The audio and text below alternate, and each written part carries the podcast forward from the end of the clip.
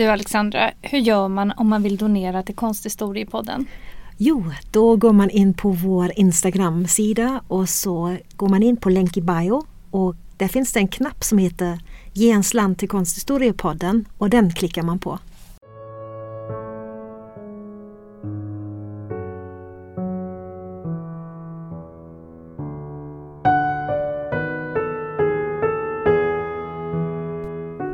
Hej och välkomna till Konsthistoriepodden. Jag heter Alexandra Frid. Och jag heter Alexandra Härlitz och idag ska vi prata om ett verk av en konstnär som många av er har önskat. Snart är hösten här, septemberkvällarna blir mörkare och vi tar oss in i våra stugor och tänder ljus. Vi låter ljuset skapa atmosfär i rummet och de spänningarna mellan ljus och mörker som uppstår är lite av det som vi kommer att prata om idag. Vi ska prata om Artemisia Gentileskis barockmålning Judith halshugga Holofernes som är målad i olja på duk och mäter 1,99 m gånger 1,63 m. Idag finns verket på Uffizierna i Florens. Gentileschi var en barockmålare och denna period börjar ju omkring 1600 och fortsatte ända in till 1700-talet. Typiskt för barockkonsten är dramatiska motiv som gestaltas i starka färger och med skarpa kontraster mellan ljus och mörker. Och allt detta ser vi också i denna målning. Mot en mörk bakgrund ser vi två kvinnor som håller ner en man som ligger i en säng. Kvinnorna är i färd med att skära av halsen av honom. Han ligger på rygg på en madrass med vita lakan. Hans lår, mage och bröst täcks av ett vitt underlakan och ett rött sammetstäcke med guldbrokad som är elegant draperat över mannens böjda ben. Armarna försöker hålla emot kvinnornas tyngd över hans kropp. Intill mannens huvud ligger en silverfärgad cape med en pälstrimmad huva. Kvinnan till höger pressar ner huvudet och vrider mannens ansikte med vänster hand. Hon bär ett guldarmband med gröna stenar på vänsterarmen och håller fast honom i det långa håret och skägget. I en parallell placering av höger arm och hand gentemot den vänstra håller hon ett svärd som skär av mannens hals. Blodet sprutar och rinner åt alla håll medan mannens ögon verkar rulla bakåt i huvudet. Kvinnan till höger bär en guldfärgad klänning med puffad trekvartsärm med röda detaljer. Hennes klänning har en djup urringning med vit spetskant. Klänningens framsida är nedfläckad av små runda blodstänk. En liten rund fläck syns på kvinnans högra bröst. Ansiktsuttrycket är samlat. Kvinnan förefaller koncentrerad när hon med lätt rynkad panna ser ner på mannen samtidigt som hon utför det kallsinniga mordet. Kvinnan till vänster är klädd i blå klänning och vit turban. Hennes kropp är vriden lätt åt höger och hennes ansikte gestaltas med blossande röda kinder, kämpandes. Hon ger all sin kraft för att hålla ner mannen. Eftersom målningen ofta har tolkats utifrån Gentileskis biografi tänker vi först berätta lite om hennes liv.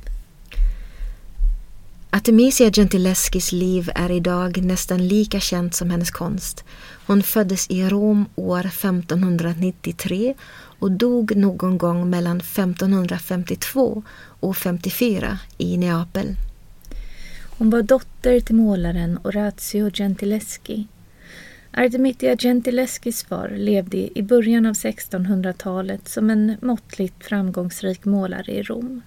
År 1605 dog hans fru och lämnade honom ensam med fyra barn. Den dåvarande tolvåriga Artemisia Gentileschi och hennes tre yngre bröder sattes i utbildning i faderns verkstad för att lära sig hantverket. Artemisia Gentileschi lärde sig snabbt och visade skicklighet. Därför kunde hon redan i tonåren gå över från att hjälpa sin far i hans verkstad till att skapa egna verk av säljbar kvalitet. Den tidigaste signerade och daterade målningen av Artemisia Gentileschi är målningen Susanna i badet som idag finns i Schloss Weissenstein, samlingen i Pommersfelden.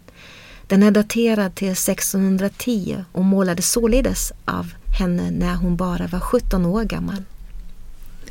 Fadern var oroad för Gentileskis framtid utan en moders tillsyn och skaffade därför ett förkläde åt den unga konstnären. Det var en kvinna ur grannskapet, Tutsia, som anlitades som Artemisias sällskapsdam. Yrket som konstnär krävde att hon upprätthöll ett socialt liv i Rom. Hon förväntades umgås med kollegor samtidigt som hon skulle även hålla ögonen öppna för en potentiell make. Hon levde alltså ett socialt liv, men ett liv där både en hemsk illgärning kunde inträffa och där den efterföljande rättegången kunde utspelas som ett spektakel inför öppen ridå.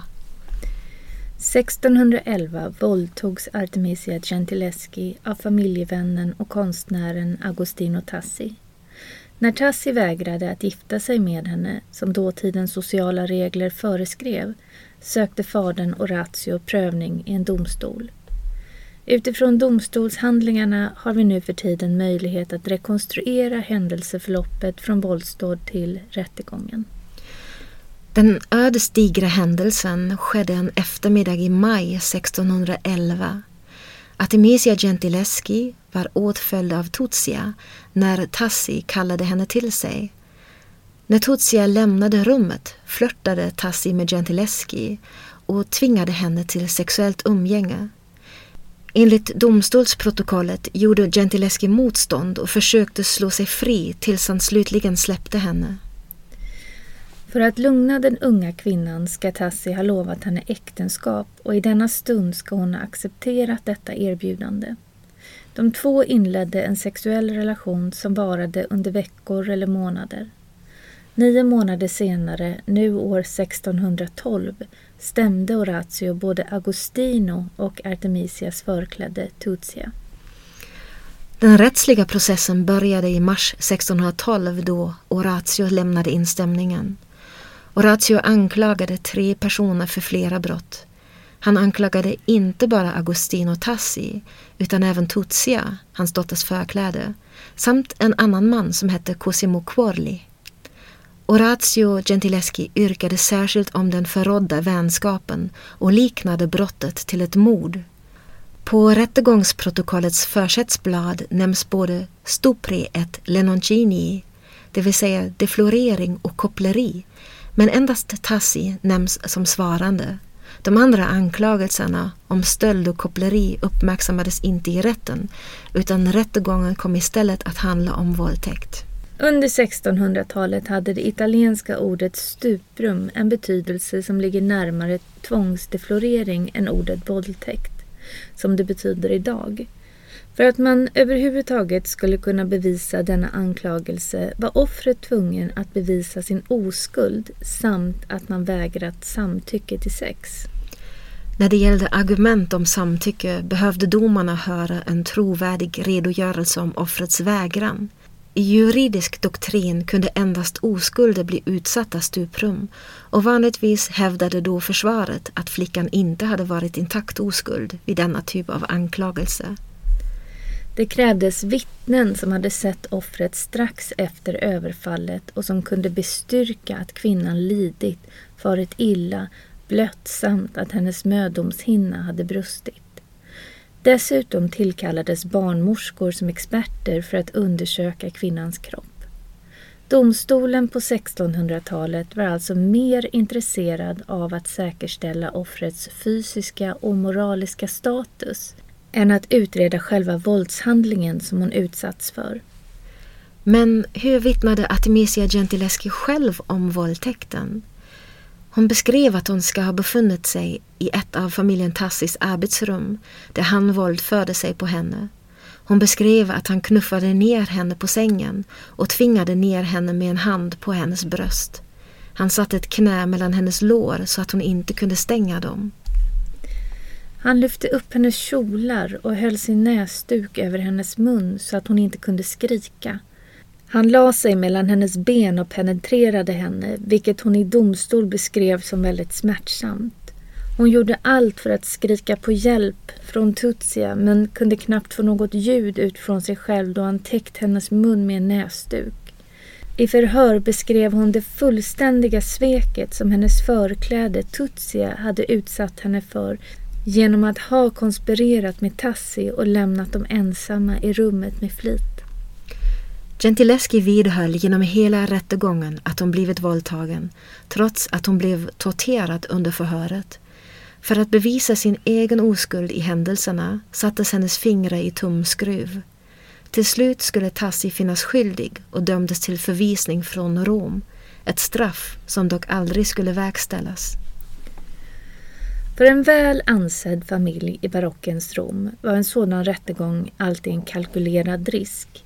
Eftersom rättstvister hotade att tvätta familjens smutsiga byk i det offentliga så hade man kanske föredragit att lösa detta bakom stängda dörrar.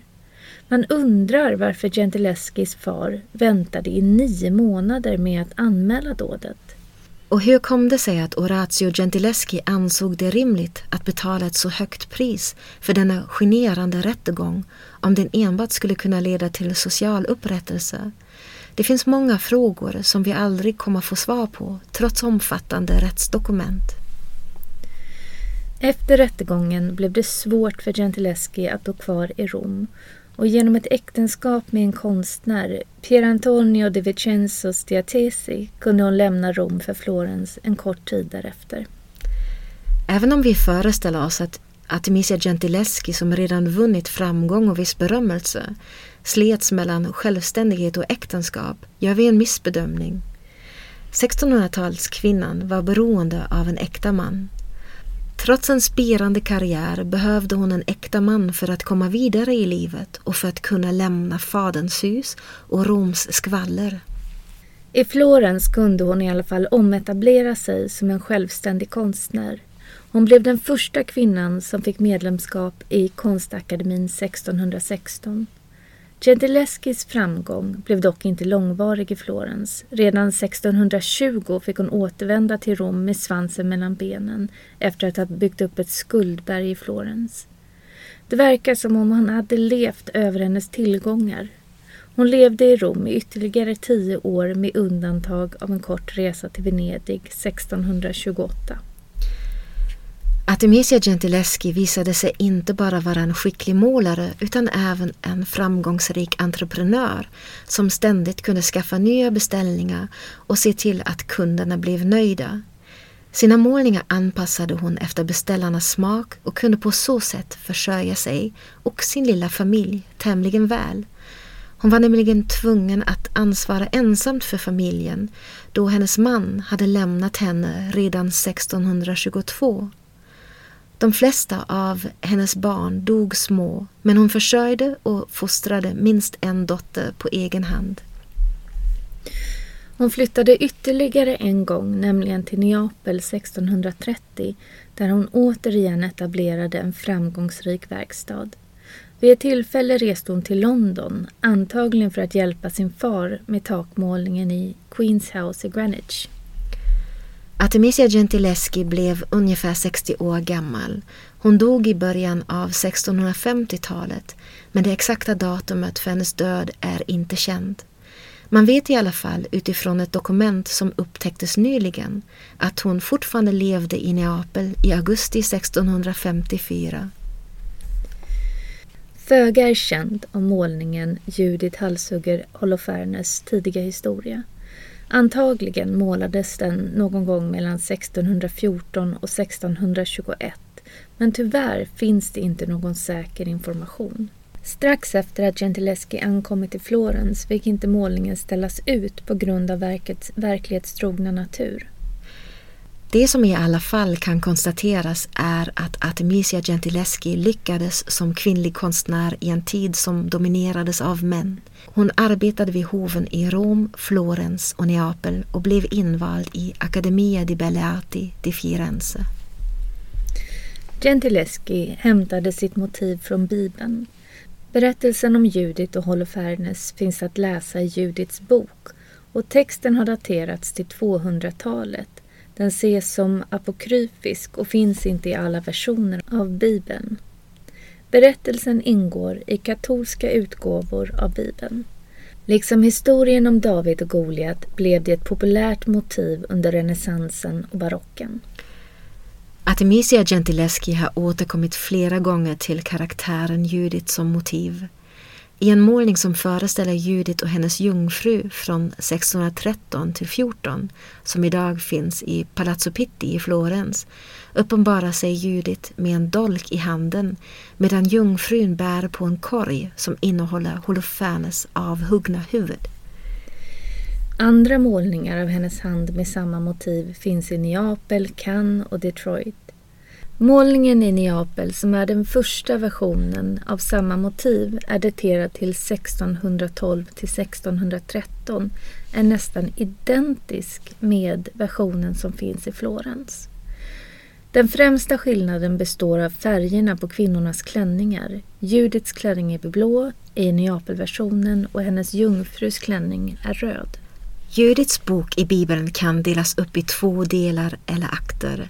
De första sju delarna handlar om hur den babyloniska härskaren Nebukadnessar och hans general Holofernes utgjorde ett växande hot mot Israel, där Judits hemort Betulia låg. Den andra hälften av boken behandlar belägringen och anfallet av Betulia och där beskrivs både Judit, hennes karaktär och framförallt den i bildkonsten populära halshuggningsscenen. Historien förtäljer invasionen av judariket lett av den assyriska generalen Holofernes. Den vackra och modiga judiska änkan Judit besluter sig för att riskera sitt liv för att rädda sitt folk. Hon använder sin charm och list för att vinna Holofernes förtroende och lovar honom information om israeliterna. När Holofernes supit sig redlöst och ligger utslagen i sitt tält går Judit och hennes jungfru Abra över till handling och halshugger honom med ett svärd. Assyrierna, som har förlorat sin ledare, skingras och Israel räddas. Det berättas att Judit uppvaktades av många efter den här händelsen men förblev ogift och levde i avhållsamhet resten av sitt liv. Likt andra konstnärer från samma tid skildrar Gentileschi det blodiga dådet som ansågs vara en hjältemodig akt. Vi blir vittnen till de två kvinnornas kamp mot den onda fienden. Gentileschi återkom ofta till heroiska scener föreställande bibliska kvinnor. På många sätt är Artemisia Gentileschis målning en typisk barockmålning. Hon räknades till en av den italienska barockmålaren Caravaggios följare och i de första utställningarna som visade hennes verk på 1900-talet fanns hennes målningar mest med för att kontextualisera Caravaggios betydelse. Och det finns många likheter med Caravaggios verk, både motiviskt och kompositoriskt. Men likaså finns det skillnader i framställningen som vi ska prata om. Michelangelo da Merisi da Caravaggio i sig var en fascinerande konstnär vars färgstarka personlighet och delvis dramatiska liv har filmatiserats. Ofta lyftes hans rebelliska och lite farliga sida men självklart också hans konstnärliga framgångar och hans rykte som skulle sprida sig långt utanför Roms gränser. Artemisia Gentileschi skulle, liksom sin far Orazio, bli en av Caravaggios följare som har låtit sig inspirerats av hans dramatiska stil som kom att kallas för caravaggesk.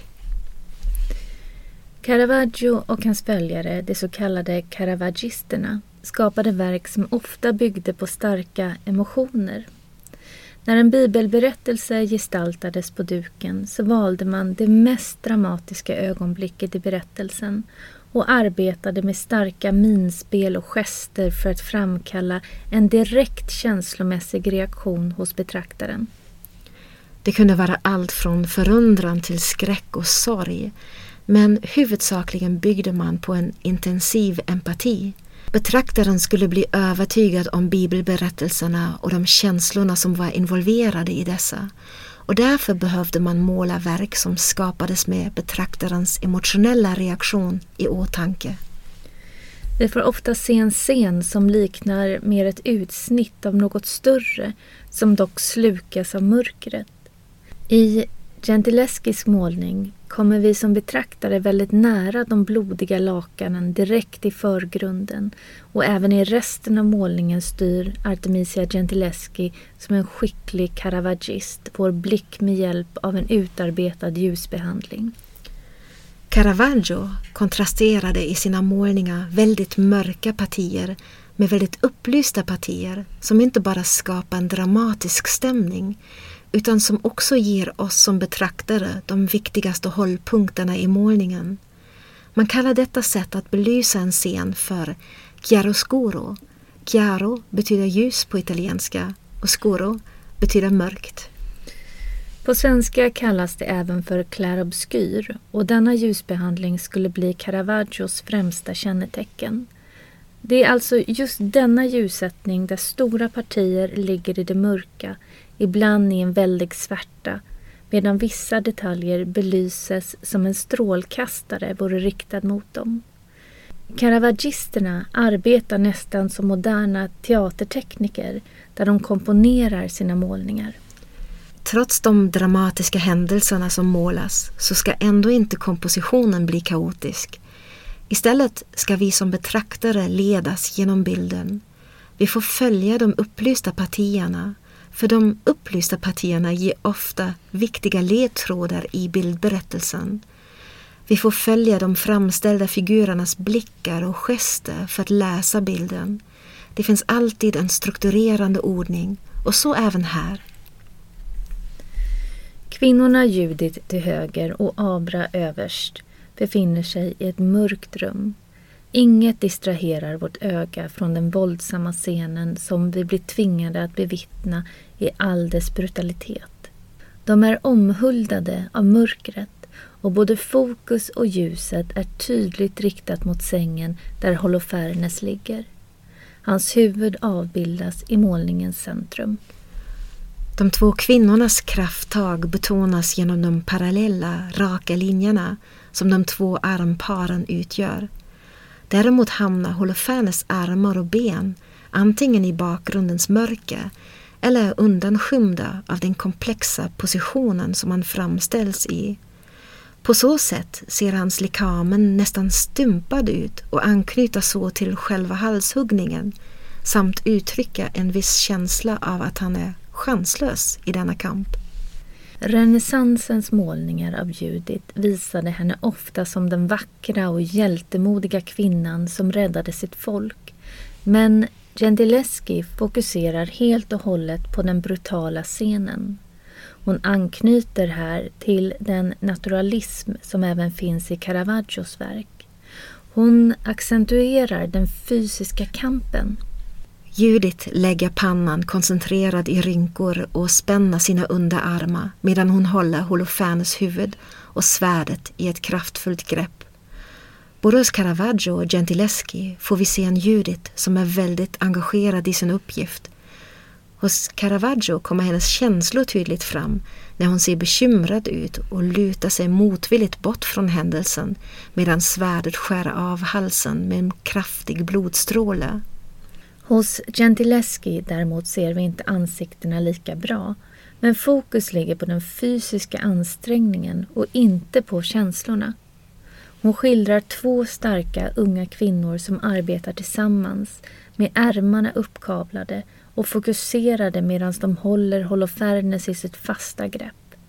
Gentileskis version visar en starkare Judit. Hon tar hjälp av sin tyngd att hålla ner Holofernes huvud med ena handen och drar ett stort svärd genom hans hals med den andra. Holofernes kämpar förgäves. Scenen har ofta tolkats biografiskt utifrån dess våldsamma fysikalitet och den våldtäkten som Gentileschi blev utsatt för. Och det stadiga krafttaget med armarna gentemot Holofernes bröst kan lätt jämföras med det som beskrivs i rättegångens handlingar. Vilken kraftakt det är för kvinnorna betonas också genom proportionerna. Den manliga handen som Holofernes sträcker upp för att värja sig framstår som väldigt stor gentemot Abras huvud. Gentileskis brutala skildring av halshuggningen har ofta tolkats som en målad hämnd för våldtäkten. Som vi sa tidigare, berättelsen om Judit var väldigt populär under barocken. Inte bara inom bildkonsten utan även inom litteratur, teater och musik. Men i Gentileskis fall verkar berättelsen om Judit sannolikt haft en stark personlig betydelse för konstnären. Men det är också viktigt att diskutera motivets bredare kulturella betydelse. Vi kommer att komma ifrån den biografiska tolkningen av verket och istället undersöka hur man kan tolka bilden inom sin katolska kontext. Judits berättelse är ett bibliskt exempel på dygdens seger över lastarna och att Gud skyddar de utvalda från deras fiender. Judit sågs också som en gammaltestamentlig förebild till jungfru Maria och sågs i förlängningen som en symbol för kyrkan. Denna koppling och förening av Maria och kyrkan förklarar delvis att Judit som motiv blev så vanligt på 1600-talet. Man skulle kunna tänka att Judit fick en roll som ecclesia militans, det vill säga att hon blev en symbol för den kämpande kyrkan då den katolska kyrkan var i konflikt med andra kristna strömningar. När vi ser på kompositionen med de två kvinnorna upptäcker vi att kvinnornas kroppar och deras armar skapar konturerna av ett hjärta tillsammans. Ihop med svärdet leds tankarna till ikonografin om jungfru Marias obefläckade hjärta. Det är en kristen bild av ett hjärta och ett svärd som är en symbol för Marias förbarmande och syndfrihet. Eftersom Judit och Abra i gentileskisk målning intar formen av det obefläckade hjärtat med svärdet kan man resonera om att Gentileschi ville gestalta Judit i likhet med Maria och att de delade dygder som ett sorgfyllt hjärta, att de var obefläckade och utan synd. Men det finns fler kopplingar mellan Judit och jungfru Maria i denna målning. Efter Maria fött Jesus besökte hon templet för rening då kvinnor enligt Mose lag var orena efter förlossning. Hon möttes då av Simeon som lovats av Gud att han inte skulle dö förrän han fått se Israels ljus, det vill säga Messias. Simeon berättade då i templet för Maria att hennes son skulle bli till fall eller upprättelse för många i Israel. I den bibliska berättelsen som ligger till grund för Gentileskis målning står Judit och hennes hemland inför den assyriska invasionen och Judit räddar riket på samma sätt som Jesus enligt Nya testamentet genom sitt offer och martyrskap räddade mänskligheten.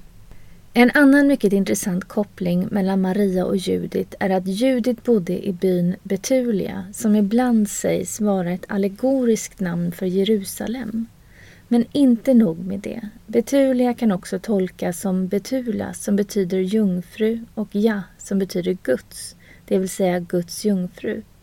Det verkar alltså finnas en stark koppling mellan Judit och jungfru Maria och att deras historier skulle kunna vara sammankopplade i denna målning. Men när och hur blev egentligen Artemisia Gentileschi känd för en större publik?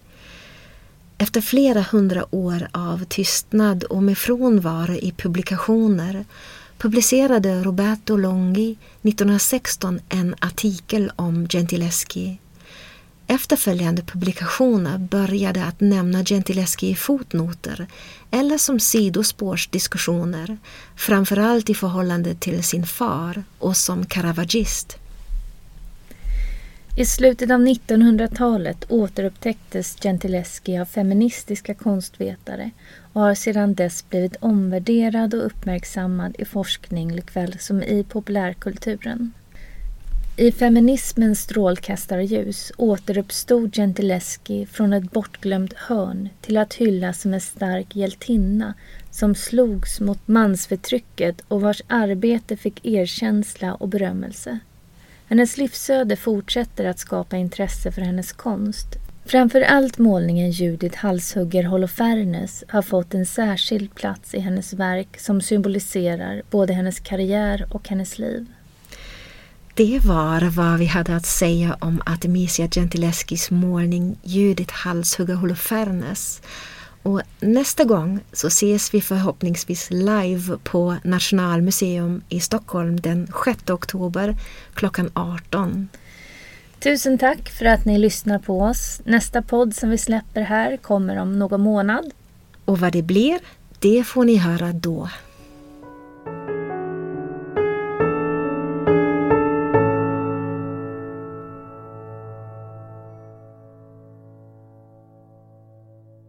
Konsthistoriepodden görs med stöd av Gustav Adolf Bratts minnesfond och Göteborgs universitet. Manus och klippning görs av Alexandra Frid och Alexandra Herlitz.